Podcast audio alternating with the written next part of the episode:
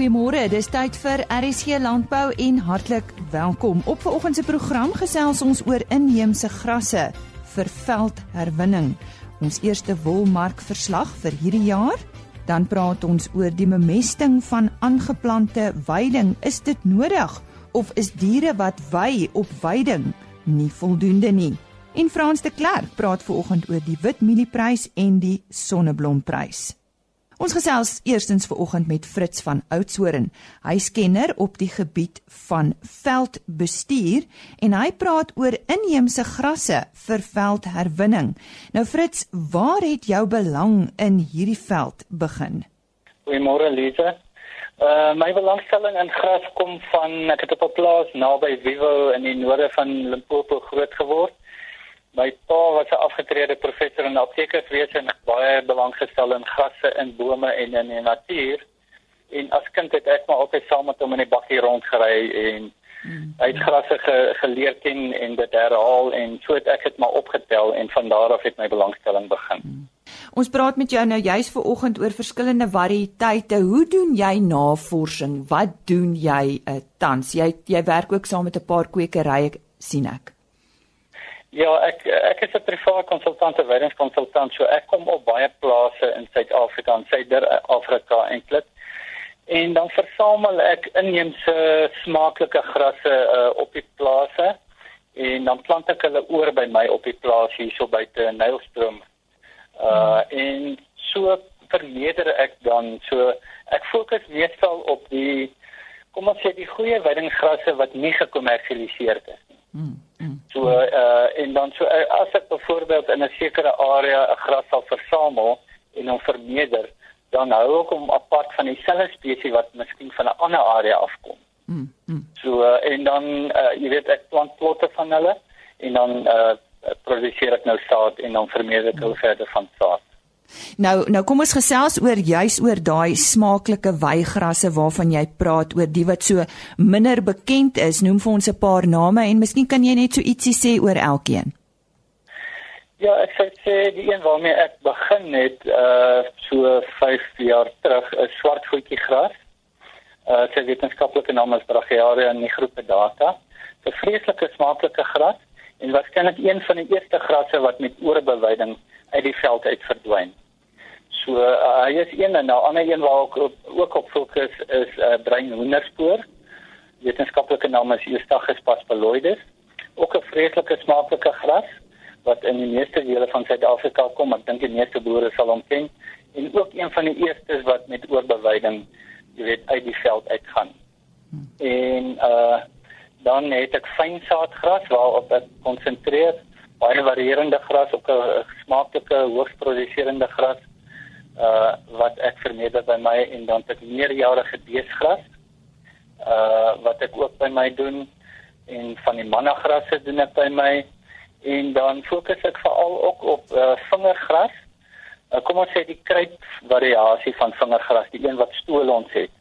En nie noodwendig uh die smitsvinger tipe wat nie stoel ons. Ek doen wel die smitsvinger tipe wat nie stoel ons het nie en daarop konsentreer ek meer in droë areas want ons smitsvinger is 'n uh, bietjie beperk waar jy hom kan plant in, in terme van die reënval area so ek probeer uh, kyk na wat meer by droogte dele aangepas is. Wat dink jy is die grootste rede vir die agteruitgang van weiding? Want ons grootste rede vir agteruitgang in Suid-Afrika is maar 'n tekort aan wisselweiding sou ek sê. Jy weet baie mense praat van oorbelading, maar ek sou sê dit is maar eintlik 'n uh, aanhoudende bewyding. Jy weet waar jou smaaklike grasse herhaaldelik bewy word, die hergroei word herhaaldelik bewy. Hulle verswak, hulle produseer nie saad nie en hulle beweeg uit die veld uit. Terwyl uh, 'n uh, wisselweidingstelsel waar jy die smaaklike grasse kans gee om te rus, baie beter en natuurlik baie meer op die natuurlike manier geskoei is wat in die verlede was daar migrasies diere wat deur beweeg het. Hulle was nooit geforseer in een area nie. So in die verlede was oorbewyding eintlik nie 'n probleem vir ons begeleidingspanne nie. Hoe pak 'n mens veldversterking aan, Fritz? Wel, ek sou sê, jy weet daar daar's twee simptome van veldagteruitgang. Die een is kalkolle waar die grasse dood eenvoudig net heeltemal uitbeweeg. Ek sien nie, ek sien nie is net oorbewyding nie, dit is ook 'n kombinasie maar van droogte ook. En dan 'n ander simptoom is waar jy onsmaaklike plante begin inkom. Sien nou maar bankrotbos of sekelbos of selfs onsmaaklike grasse.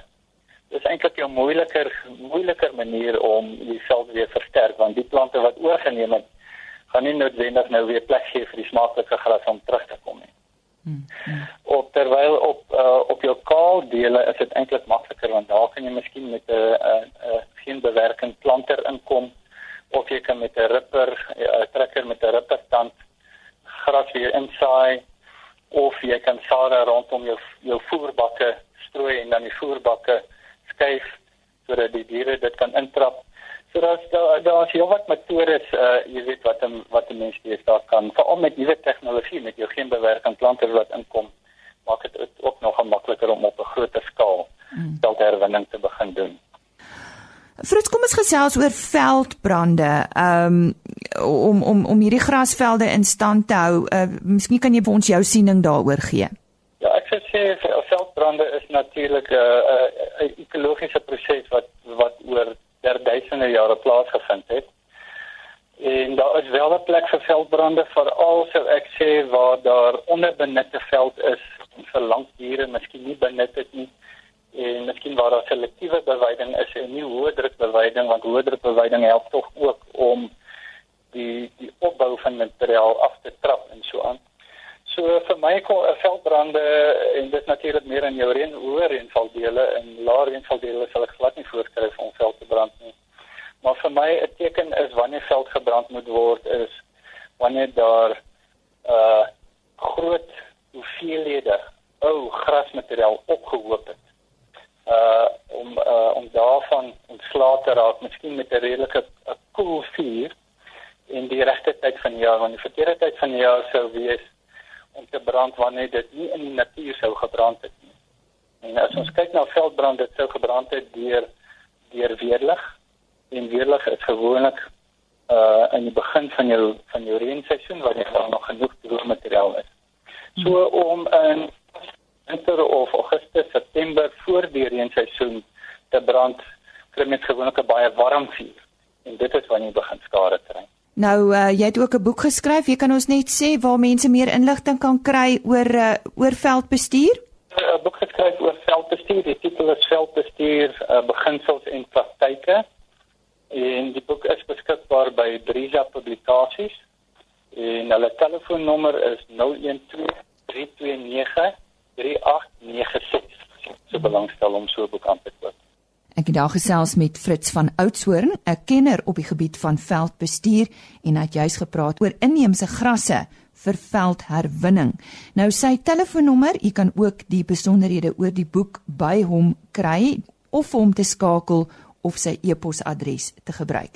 Sy selfoonnommer is 078 228 0008 078 228 0008 en 'n e-posadres is fritz met 'n s by alut.co.za fritz by alut.co.za Jolande Rood is op haar pos met ons eerste wolmark verslag vir 2018 Die wolmark het vandag verhandel teen dieselfde vlak soos voor die Kersreses en die Cape Wool Merino aanwyser was onveranderd om te sluit teen 'n waarde van R188 en 8 sent per kilogram vir skoonwol. Die Australiese EMA het met 7,3% toegeneem. Die Cape Wool's alle wol aanwyser was ook onveranderd.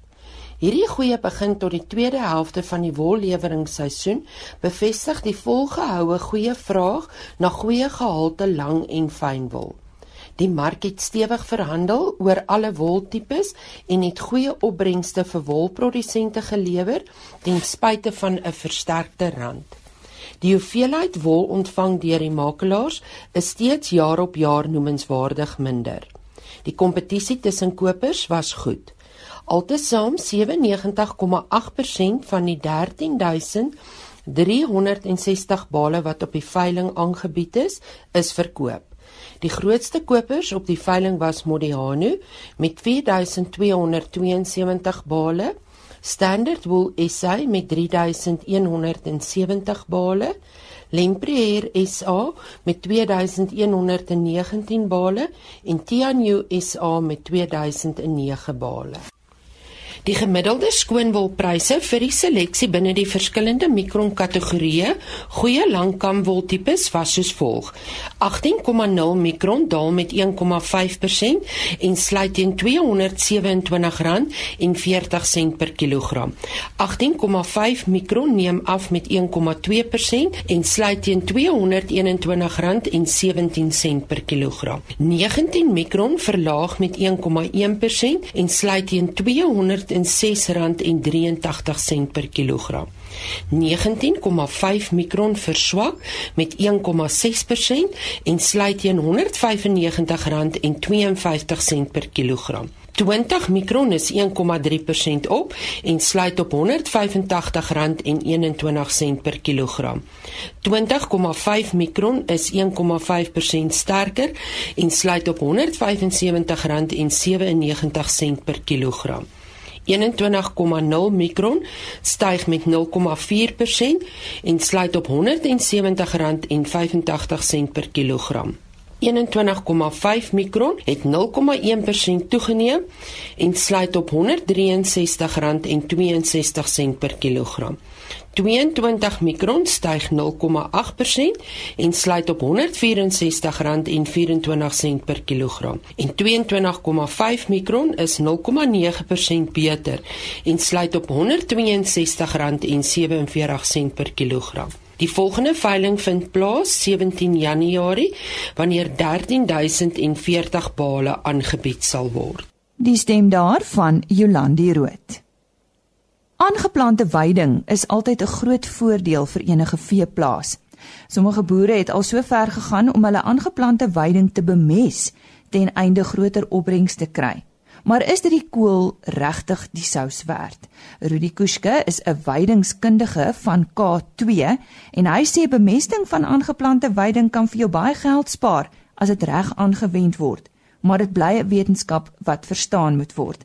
Nou Rudy, is dit die moeite werd om aangeplante veiding chemies te bemes? Uh doen die diere se mis nie dieselfde werk nie? Kyk, om om aangeplante veiding chemies te bemes is heeltemal 'n opsie, maar dis nie altyd nodig om chemies te bemes nie. Ons kan as ons na beweiding toe gaan, moet ons op gedagte hou dat jy met diere ook 'n bemesting kan doen net deur beweidingspraktyke bietjie aan te pas in terme te skuif na hoër drukbeweiding want iets wat ons nie altyd in gedagte hou nie is dat 'n bees of 'n skaap produseer 'n enorme hoeveelheid urine en mis op 'n daaglikse basis. Net om 'n syfer of 'n idee te gee ek gebruik nou koeie. 'n koei van 500 af van 450 kg produseer nagenoeg 27 kg mis op 'n dag. Dis nat mis. En nou as dit na droommateriaal toe teruggewerk word, is dit 3,1 kg. Dit dit gee vir jou 1,2 ton droommis in 'n jaar. Nou 'n ontleding van mis is 'n bees produseer ek het gesê 1.2 ton droommis in 'n jaar. 'n Misontleding is 2% stikstof, 1% fosfaat en nagenoeg 1% uh, potas of kalium. En deur diere bymekaar te hou of op uh, redelik bymekaar wy het ek 'n natuurlike bemistingsaksie wat dit kan by, bydra vir die doel. Ek sê nie daardeur dat jy chemiese bemesting by weidings aangeplante weidings moet wegneem nie. As jy as jy hooi, het jy 'n enorme hoeveelheid voedingsstowwe wat jy wegneem wat jy niks terugplaas nie, maar deur diere te laat bewy, het ek nagenoeg 'n 75% hersirkulasie van voedingsstowwe. Nou kom ons gesels oor chemiese bemeste veiding. Is hierdie veiding uh, het dit 'n hoër voedingswaarde vir diere of nie noodwendig nie? Nee, dit definitief want dit het 'n effek op die op die proteïenwaarde van die veiding en hoe goed hy groei. Want 'n plant se kwaliteite word bepaal van hoe hoe hoe groener hy is en hoe sterker groen hoe meer blare hy vorm, het hy 'n groter fotosintese vermoë en deur fotosintese sy fotosintetiese vermoë op te tel of te verhoog en produseer hy meer suikers wat die plant dan meer voedsel laat produseer en smaakliker voedsel. Sodra 'n plant nie bemest word nie, gaan hy in 'n oorlewingsfase en smaaklikheid is definitief 'n faset wat wat inkom wat diere nie dan dan nie om so smaaklik en vrywilliglik vreet nie. Nou goeie beplanning is seker belangrik. Hoe moet 'n uh, 'n uh, produsent se beplanning lyk om die beste opbrengs te kry? Jou bemesting, aanvanklike bemesting in die lente op aangeplante weiding is belangrik in in die vorm van fosfaat en stikstof. As dit net bewy word, dan is kalium belangrik, maar nie so krities as wanneer jy hooi sny nie. Want as 'n mens kyk na bewydings en onttrekkingssyfers, ehm um, en jy praat van en ek gaan nou oulandsgras as as as 'n voorbeeld neem. Die onttrekkingssyfer vir elke kilo ag elke ton hooi wat ek afsny van oulandsgras, dis nou droommateriaal, verwyder ek tussen 10 en 20 kg stikstof, 1,2 kg fosfaat en 12 kg kalium. Dit is as ek hooi. So dit moet jy elke keer terugsit op op op op op 'n onderhoudingsbasis reg deur die jaar na elke smysel om die volgende smysel ook reg te kan maak om te kan afval. Wanneer ek bewy of bewy bewy hoe kombinasie kan daai syfer daal of dit is noodwendig dat jy so hoog moet bemest om die ding te onderhou nie want die diere het 'n eie eie soortgelyke hersirkulasie van voedingsstowwe. Wat se effek het uh die aanplanting van weiding op ou lande? Hoe kan 'n mens bepaal watter chemiese middels toegedien moet word vir 'n beter opbrengs? Nee, jy moet wanneer op ou lande kom enige nuwe weiding wat jy aanplant en dit geld vir weidings wat jy wat wat aangeplant is op 'n grondontleding is krities. As jy nie 'n grondontleding het nie, dan weet jy nie wat jy werklik moet doen nie, want dis 'n dis dis 'n put waar jy gaan goed ingooi en jy dis 'n moggetroffe aksie wat geneem kan word en jy weet nie wat wat kan jou uitkoms wees nie. Ons moet kyk na jou jou, jou grondsamenstelling. Die belangrikste een gaan fosfaat wees, ag pH wees om te begin en dan jou fosfaatontleding, kaliumontleding, kalsiumontleding, magnesiumontleding en dan in bepaalde verhoudings is krities om te sien of die goed beskik of of die voedingsstowwe beskikbaar gaan wees. Om terug te kom na die dier toe, hoe kan 'n boer te werk gaan om 'n noodvoerbank op te stel? 'n Noodvoerbank het twee opsies. Jy kan hooi sny om om om om om om om 'n voerbank op te stel of ek kan 'n uh, 'n staande hooi aksie neem. Okay, 'n staande hooi het altyd 'n gevaar dat dat hy aan aan hy's groter aan brand blootgestel as wat jy hooi is want dit is nog nou buite in die veld waar jy dit nou nie op die lande waar jy nie altyd so beskermend is as wat jy hooi in in in ingeberg het nie maar dis nie nodig. Dit gaan oor 'n koste waarde die diere kan soen toe gaan. Dis nie nodig dat jy kos na die diere toe vat en dan is dan begin jy kyk na aangeplante weidings en voergewasse wat 'n uitstaande staande hooi plant wat op op lande en ou lande geplant kan word wat as 'n staande hooi vir die wintermaande. Want 'n voerbank het 'n groter impak of is van groter belang of behoefte in die wintermaande in in in die, in die, in die somerreënvalgebied as in die as as in die somermaande wanneer dit nou wel reën okay, ons almal ons almal is reën afwagtend op hierdie stadium want die seisoen sover is nie baie lekker maar dan moet 'n mens kyk na 'n gewas om te plant. Daar is eenjarige gewasse wat jy kan aan aanplant wat uitstaande voedingsstof, ag uitstaande staande hooi is en jou jou, jou soet sorghums en 'n produk met die naam van Sugargrace is by name seker die beste staande hooi wat jy kan aanplant vir die doel. Ja, ek het daar gesels met Rudy Kuske. Hy is 'n weidingkundige van K2. Die onafhanklike tegniese analis Frans de Klerk fokus nou op die witmielie-prys en die sonneblomprys. Liewe nee, baie dankie en en seën vir almal vir die nuwe jaar. Ons hoop dit is 'n goeie landboujaar vir al wat 'n landbou amper kan jy sê kundige is in Suid-Afrika. Nou ons het ons het laas gepraat oor die wit mielieprys en ek was baie positief oor die wit mielieprys en ek het nog genoem daardie oggend dat solank die wit mielieprys en ek praat net sommer van die die nabye kontrak ehm um, bo R1900 is.